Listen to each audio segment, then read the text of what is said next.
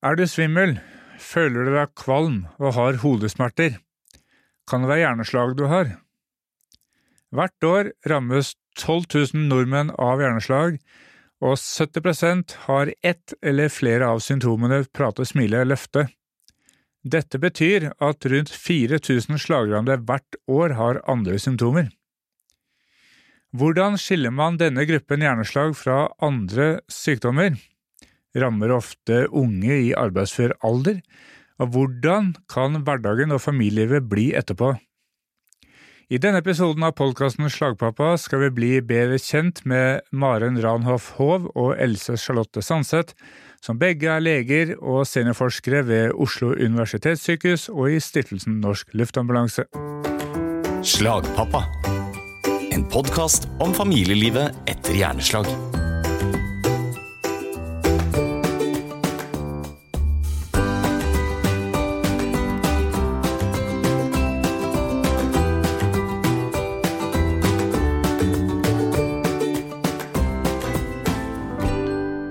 Hei, Maren og Elsa Charlotte, Hei. Hei, Martin. og velkommen til Slagpappa. Tusen takk.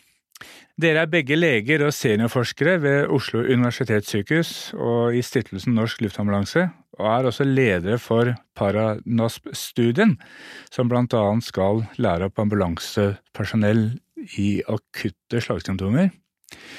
Nå skal vi i løpet av denne episoden komme nærmere inn på den forskningen eh, dere har jobbet med, men først 12 000 nordmenn rammes hvert år av hjerneslag, ifølge Helsedirektoratet, og 70% av dem har ett eller flere av symptomene prate, smile, løfte. Og dette betyr jo at 4000 sl sl slagrammede har andre symptomer. Hvem er de 4000? Nei, vi vet vel ikke hvem de er, for det har man ikke forsket uh, nok på. Mm. Um, men hvorfor det er sånn, er jo fordi hjernen er et veldig komplekst organ, og et hjerneslag er enten at en blodpropp eller en blødning tilstopper næringen til et avgrenset hjerneområde. Og det kan jo skje i alle karene i hjernen, og sånn sett er jo alle hjernefunksjoner utsatt for en skade. Og da kan symptomer på et hjerneslag stammer fra alle hjernefunksjoner. Så det blir jo for enkelt å si at slagsymptomer er prate, smile, løfte, for da dekker vi jo egentlig bare en del av motorisk område, Mm. og vi dekker en del av det å kunne snakke. Og alle vi som har hjerner som vi bruker, vi vet jo at hjernens kontrollfunksjon er ganske mye mer kompleks. Og jeg tror vi må begynne å snakke om slagsymptomer for det det faktisk er, og det er jo bortfall av hjernefunksjon i en akutt situasjon, Mm. og at det derfor også da kan være et helt annet symptombilde enn prat, smile, løfte. Så hvilke andre symptomer kan det da være, hvis jeg skal nevne noen? Nei, de typiske andre symptomene stammer jo da for eksempel fra synsområdet, hvor du får påvirket syn. Dette kan arte seg på ulike måter. Det kan være bortfall av synsfelt. Det kan være helt tap av syn. Det kan være påvirket synsinntrykksopplevelse. Dobbeltsyn. Det kan være dobbeltsyn, som jo kommer fra hjernestammen og hvordan øynene arbeider sammen. Det kan være svimmelhet, ikke sant. Hele lillehjernen er jo vår koordinasjonssentral. Det er i lillehjernen vi setter sammen informasjonen, sånn at når du skal ta tak i et glass, så treffer du faktisk glasset, og du tilpasser styrken i løftet til hva det er du skal løfte. Og hvis lillehjernen da påvirkes av et slag, så vil du jo ikke kunne sende sånne koordinerte signaler, og, og du blir ustø.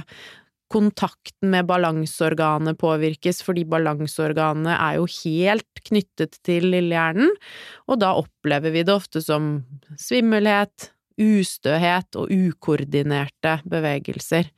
Og så er det dette med førlighet, at vi, førligheten er jo et egen del av hjernen, den sensoriske delen av hjernen, og den kan rammes. Så tap av førlighet, endret førlighet. Og så er det jo, dette med språk og tale, og det er jeg kanskje særlig opptatt av, fordi at språk og tale, det er jo to helt forskjellige ting. Mm. For det å kunne snakke, det er en sånn sett sensorisk del av hjernen, det å liksom kunne forstå informasjon som vi hører, omsette det til en øh, meningsfull samtale. Men det å uttale ordene, det sitter jo i ansiktsmuskulaturen, mm. og er noe annet. Så det blir for enkelt å snakke om slag som prate, smile, løfte. Mm. Og så leser jeg også i eh, Altså, jeg sitter og leser litt i årsrapporten fra Norsk Jernslagregister, eh, og ser jo at i flere år nå så er jo tallene for det vi kan definere som unge slagramde i alderen 18 til 54 år. Det ligger jo ganske stabilt, og i sum så blir det rundt 1000 hvert år. Hvorfor er det såpass mange unge som får slag? Hva er det dere vet om det? Det er noen andre risikofaktorer eh, hos eh, unge. Mm. Eh, ofte så ser vi at man får en, en, en spekk i, i pulsåren opp til hjernen, en disseksjon som kan spytte, begynne å spytte propper etter hvert som prøver, kroppen prøver å reparere den disseksjonen. Mm. Men det jeg tenker kanskje er det man skal tenke mest over, i hvert fall når det gjelder symptomer og diagnostikk av pasienter, unge slagpasienter, det er at ofte så tenker vi ikke over at dette kan være et slag hos yngre pasienter. En 18-åring mm. med da noen av de symptomene som eh, Maren beskriver, er ikke nødvendigvis en som møtes eh, av, verke, av helsepersonell med slagmistanke, for du, du, forventer ikke helt det hos en 18-åring eller hos en 30-åring. Så da blir diagnostikken enda vanskeligere, for da er det andre differensialdiagnoser som du har høyere opp på listen din når mm. det kommer et symptom fra hjernen. Mm. Så hva er det som er mer vanlig for unge mennesker å få da, som kan forveksles med slag? Det er jo rus, for eksempel. Mm. Ikke sant? Det å være snøvlete i talen, ustø i gangen, øh, kanskje litt forvirret, mm. er jo, hvis man, vi får inn en ung pasient øh, kanskje i en del av døgnet hvor det er mer aktuelt, da, mm. øh, så er det jo nærliggende å tenke rus som første differensialdiagnose. Mm. og så er det jo infeksjoner og, og, og sånt yngre mennesker er mer på en måte kanskje utsatt for å få infeksjoner i også hjernehinner og hjerne, uh, som kan gi akutte symptomer. Um, og så er det jo andre uh, tilstander som gir liksom akutt symptomfunksjonsnedsettelse. Og hjerneslag er jo en annen type symptom symptompresentasjon, fordi det, vi lærer at det skal være halvsidig, uh, vi lærer at det skal skje hyperakutt. Um, men så har du jo disse her uh, symptombildene hvor det i større grad er bevissthetspåvirkning, forvirring, talevansker og sånt som ikke har den halvsidige symptompresentasjonen, og hvor man kanskje oftere kan bli Eh, ledet mot en annen diagnose, da, eh, og ikke fange det som et hjerneslag i akuttfasen. Ikke sånn, jeg har ikke sånn evidens for det jeg sier nå, det er mer eh, hvordan jeg opplever det selv, men eh, veldig mange yngre slagpasienter, i hvert fall med ikke den klassiske prate, smile, løfte, symptomtriologien, er jo veldig usikre på hva dette er selv. De har mange gå på jobb, føler seg litt rare, mm. greier ikke helt å sette ord på hva som er galt, har litt problemer med å Greier ikke helt å logge inn på PC-en, har problemer med forståelse, merker at det er, det er, et eller annet rart med armen, men greier ikke helt å koble dette sammen mm. eh, til et symptombilde som du tenker at det er noe galt med hjernen min. Så det tar ofte litt tid, og så eh, er min erfaring at eh, de som er yngre, det tar litt lengre tid før de, de tar kontakt med helsevesen. Mm. Men, Men det har jeg ikke noe evidens for, det er litt min erfaring. ja, ja. Mm. Og det som gjør slagsymptomer enda mer komplekst, er jo fravær av smerte, ikke sant, fordi skal du oppleve smerte, så må du ha stimulering av smertefibre, og de fibrene, de ligger ikke i, inni hjernen. Eh, så hjernesykdom sånn sett er smertefri, og vi er jo litt lært opp til, både som helsepersonell og også gjennom å vokse opp, da, at det er smerte smerten som er liksom den dramatiske, og da er det akutt. Eh, og når du da får et, en akutt endring som er helt smertefri, så er det ofte at man bagatelliserer eh, de symptomene. Mens sterke hodesmerter, det kan vel også ha sammenheng med slag? Da er det noe som irriterer hjernehinnene. Okay. Eh, det er eh, ikke smertefibre inni selve hjernen, så hvis man har sterk hodepine i relasjon til et hjerneslag, så er det noe irritasjon i, i hjernehinner og mer på en måte i den blødningsgaten, da. Men når du sier irritasjon, altså hva er det da det er for noe? Nei, da kan vi gå litt sånn uh, anatomisk til verks, da. Kan jo forklare det ganske enkelt, fordi hjernen ligger og flyter inni en væske og den er omkranset av hinner, og de hinnene, de inni de hinnene, så produseres denne væsken som hjernen flyter i. Den kaller vi for eh, cerebrospinalvæske. Mm. Og den, eh, de hjernehinnene, de strekker seg rundt hjernen og ned hele ryggmargen. Så hele liksom det vi kaller sentralnervesystemet, som da er ryggmarg og hjerne, det ligger inni en pose, og den posen er ganske sterk. Og inni posen er det vann. Mm. Og inni der igjen ligger liksom hjernen og ryggmargen. Så veldig beskyttet. Veldig beskyttet. Mm. Men i denne hinnen så er det smertefibre. Og hvis du får blodprodukter i denne væsken og i disse hinnene, så vil kroppen umiddelbart reagere med å lage en betennelsesreaksjon, ikke sant, en, ikke en infeksjon, men at det blir irritasjon. Mm -hmm. Og den irritasjonen, den fører med seg at man får stimulering av smertefibrene, og da opplever det som akutt hodepine, nakkesmerte, hm. stivhet i, i nakken.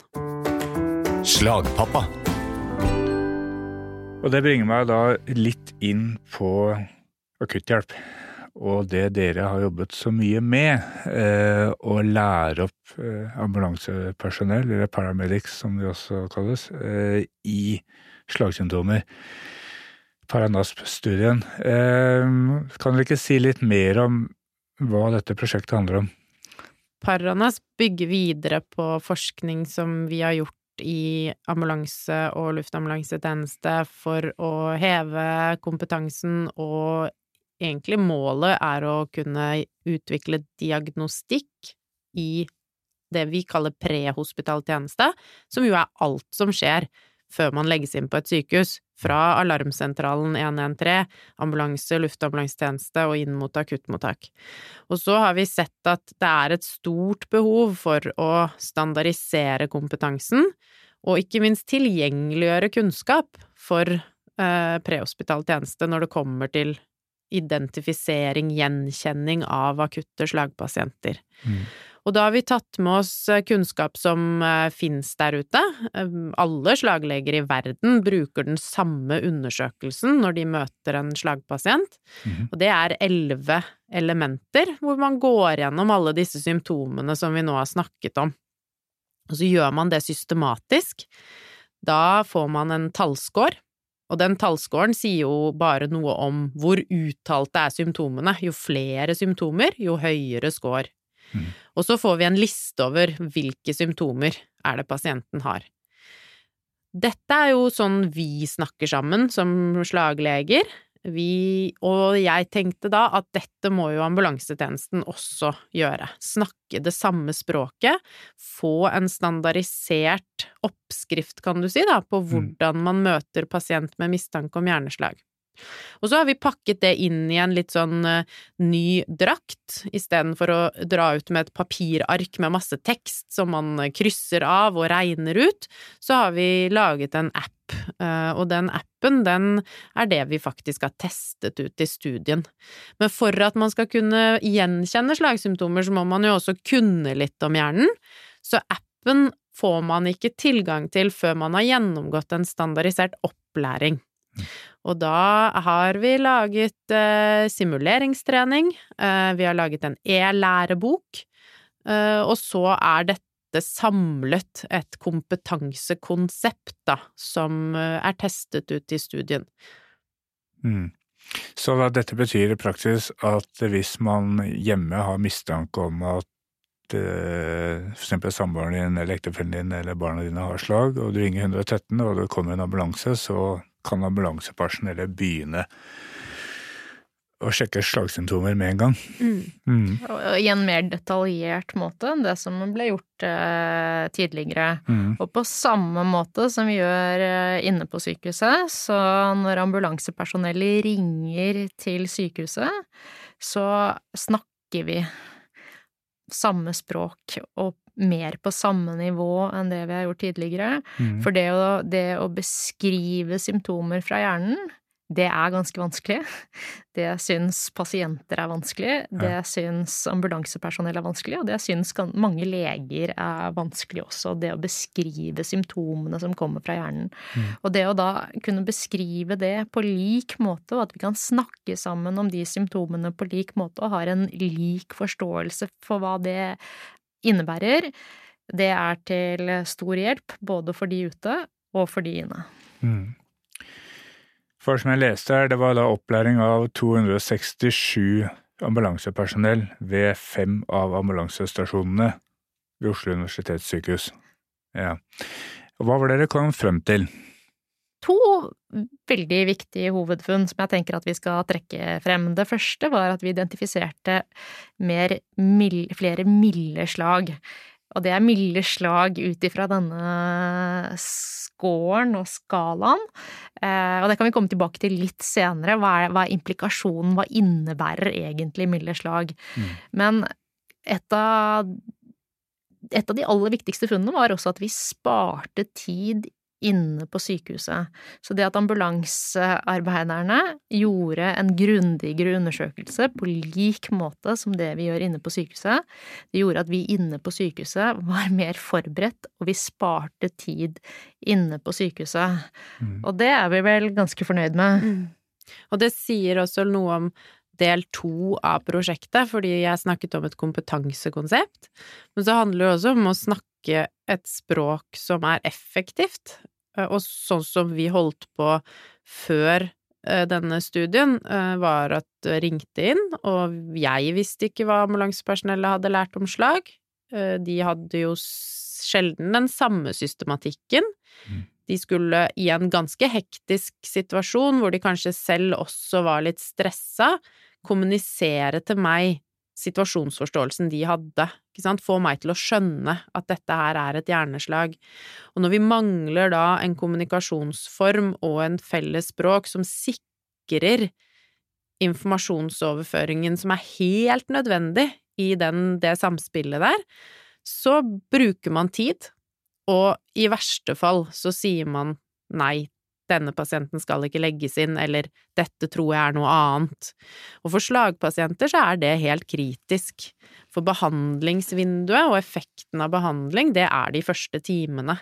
Så man må sikre at vi har pasientflyt som er helt strømlinjeformet. Mm. Og dette konseptet, det er da en app som snakker med telefonen til slaglegen.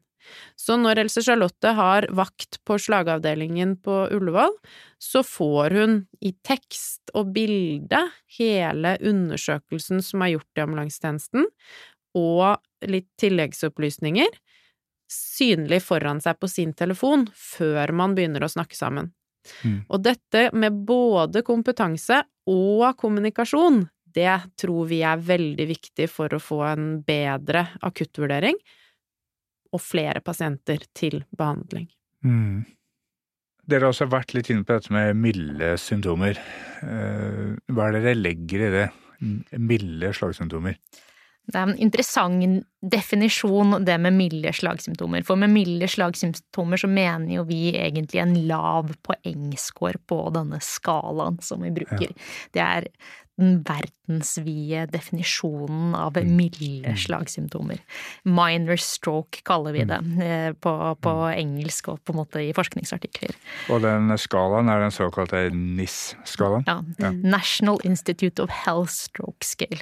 Så eh, Men hva det innebærer for pasienten, og dette er egentlig en diskusjon også i, i verden, sånn i forskningsverden, etter hvert som vi ser flere og flere pasienter med, med milde symptomer symptomer ut fra den skalaen, så ser vi jo at mange av de pasientene, det er ikke så mildt selv om de kommer gående inn på sykehuset og går ut av sykehuset, mm. så betyr det kanskje sånn som, ja, er du pappa, da, at du har en endret atferd i måten du møter barna dine på, du har eh, uttalt fatigue, du greier ikke å komme tilbake i jobb, og da kan man ikke definere det som et mildt slag, selv om symptomet du ble identifisert med når du kom inn på sykehus, og når du mm. dro fra sykehuset, i utgangspunktet var mildt. Mm. Så et Og det er jo vi måler jo effekt av behandling, måler vi på en ganske sånn grov måte. Det er jo snakk om kan du gå med eller uten støtte, det er jo på det nivået det er. Men jeg tror jo at vi Eller det er i økende grad bevissthet rundt det at for pasienten så er det kanskje andre ting som betyr vel så mye, og det er jo det du er veldig opptatt av, Martin. Det er jo de skjulte symptomene, de man mm. ikke kan se, og de som man ikke legger merke til når noen går ut av avdelingen. Og veldig mange av de, de symptomene, eller de konsekvensene av et mildt slag, de identifiserer man jo ikke. Og her har det jo skjedd en enorm utvikling i forhold til behandlingen over de siste siste årene, fordi da trombolysebehandling ble introdusert, og det ble godkjent og tilgjengelig, så hadde man jo en grense på at du skulle ha prate, smile, løftesymptomer for å få trombolyse. Men denne grensen er jo blitt presset uh, mye, og, og, det er jo et helt annen innstilling til det i dag. Mm. Og i dag er det jo ikke noen absolutt kriterium om at du må ha veldig uttalte alvorlige symptomer for å få trombolyse. Men så er det litt igjen det som ofte skjer, da, at vi gjør fremskritt innenfor sykehusveggene, og så glemmer vi at disse pasientene, de får jo hjerneslaget sitt ute når de er på jobb i skogen, hjemme, ikke ikke der hvor vi jobber og står og venter på slagpasienter for å gi de akutt behandling. Mm. Og så har man glemt den fasen at skal vi kunne gi trombolysebehandling til pasienter som ikke har løftsymptomer, så må vi jo flytte kompetansen om det ut til de som møter pasientene. Mm. Og det er egentlig kjernen i veldig mye av den utviklingen vi mener er helt avgjørende at nå skjer.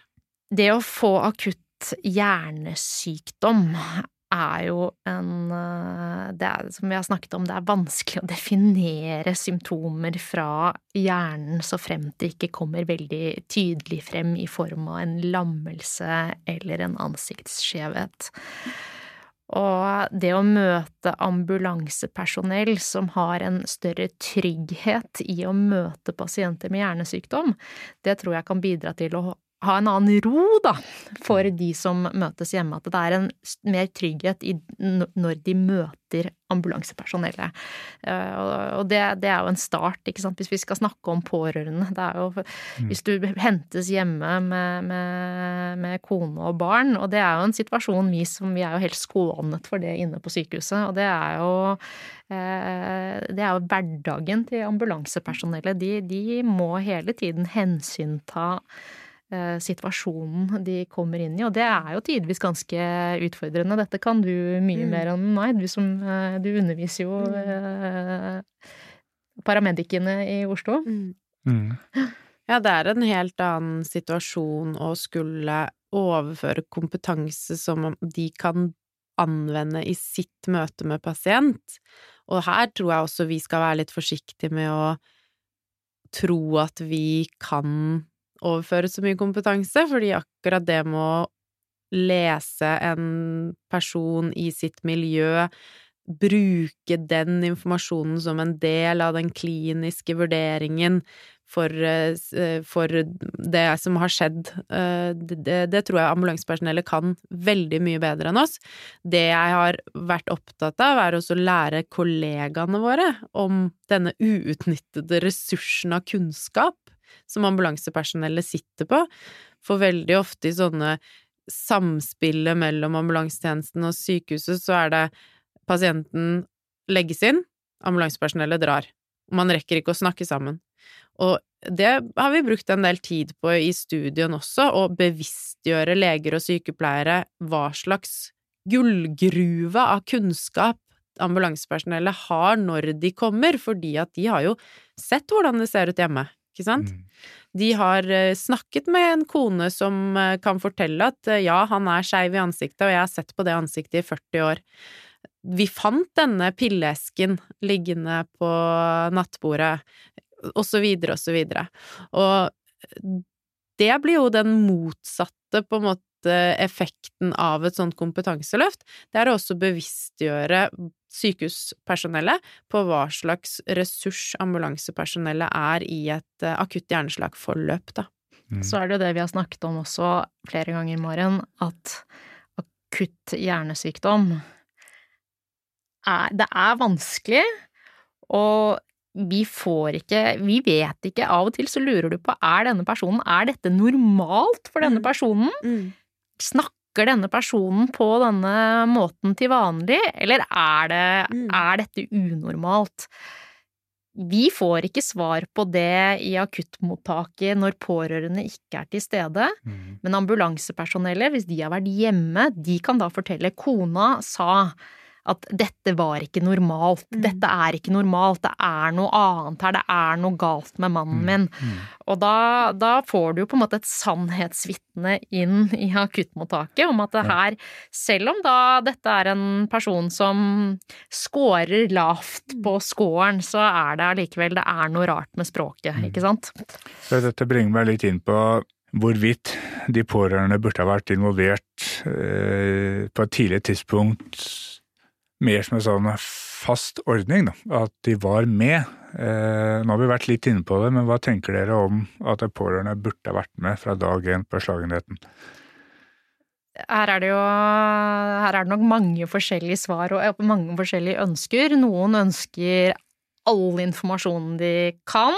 Alt om hva er risikoen her, hva kan gå galt, eh, hvor stor er den, hvor liten er den, og så er det andre som helst vil høre eh, nå har vi gjort det, dette, mest, dette går mest sannsynlig bra. Og så her er det veldig forskjellig med den involveringen. Jeg tror jo spesielt kanskje hos yngre pasienter, egentlig hos alle, men det å involvere pårørende på et tidlig tidspunkt, få en god dialog, få godt tillitsforhold, få en forståelse for hjemmesituasjonen til pasient allerede på, på slagposten på dag én, er viktig. Mm. Jeg tenker det er liksom to deler her da, da. Fra liksom rent legeperspektiv, da. Hvis jeg skal bare tenke hva jeg trenger, mm. så trenger jeg informasjon. Alt jeg gjør i akuttmottaket er å innhente informasjon, og så setter jeg de brikkene sammen til en sannsynliggjøring av hva jeg tror det er, og så ender jo den sannsynliggjøringen opp i hva slags behandling skal jeg igangsette. Mm. Og jo mer informasjon jeg kommer over på kortest mulig tid, jo lettere blir jobben min. Eh, og derfor så syns jo jeg det å ha pårørende i akuttmottaket veldig tilgjengelig. En kjemperessurs. Mm. Men så er det den andre delen av det som vi må også ta hensyn til, og det er når jeg underviser eh, paramedic og, og akuttmottakssykepleiere og sånn, så er det det å For oss er dette rutine. Jeg står i det akuttmottaket på daglig basis og er vant til at å se på dramatiske ting og forholde meg til det profesjonelt. Men det å bevisstgjøre oss på at det er mest sannsynligvis den aller mest dramatiske dagen i livet til den man møter. Det å bli hentet med ambulanse, kjørt inn i et slagmottak, det står tolv mennesker i hvitt. Du forstår raskt at nå er jeg ille ute, å ha respekt for den delen av det også tror jeg er viktig som akuttmedisiner. Eh, og, og, da har vi litt ulike behov og ressurser som både pårørende og pasient. Hva er det jeg ønsker å være med på? Det er ikke alltid i den akutte situasjonen at vi har tid til å avklare det. Eh, så jeg tenker at man da må finne en, en middelvei her, da, hvor man både får informasjonen som jeg trenger, men også ivaretar de menneskene som er i en akutt krise. Og det er vel sånn at man kan aldri få nok tid til å prate sammen, og man kan aldri på en måte vise omsorg nok, da. Uh, og det prøver vi å snakke om, og vi prøver også å tenke på det selv i våre hektiske vakthverdager, og så kan vi alltid bli bedre. Mm. Så jeg har full forståelse for det med at, uh, at det handler om tid, og det er veldig akutt, og og at folk er forskjellige. Ehm, men jeg har også tenkt at eh, slagrammene selv er jo en veldig dårlig kilde til informasjon. Mm. Eh, sånn at Så på en måte veien videre Så er det ikke sikkert den slagrammede har fått med seg så veldig mye av hva legene har sagt, eh, som kunne vært viktig. Mm. Og hvis den pårørende var der, og kunne få mm. det med seg på vegne av begge mm. to. Eh, så selvfølgelig finne tid og sted, mm. ja, eh, men mm. Det er det gjort masse forskning på, Martin. Hvor mye er det en pasient sitter igjen med etter visitt eller eh, etter en konsultasjon? Det er jo forbløffende lite, dessverre.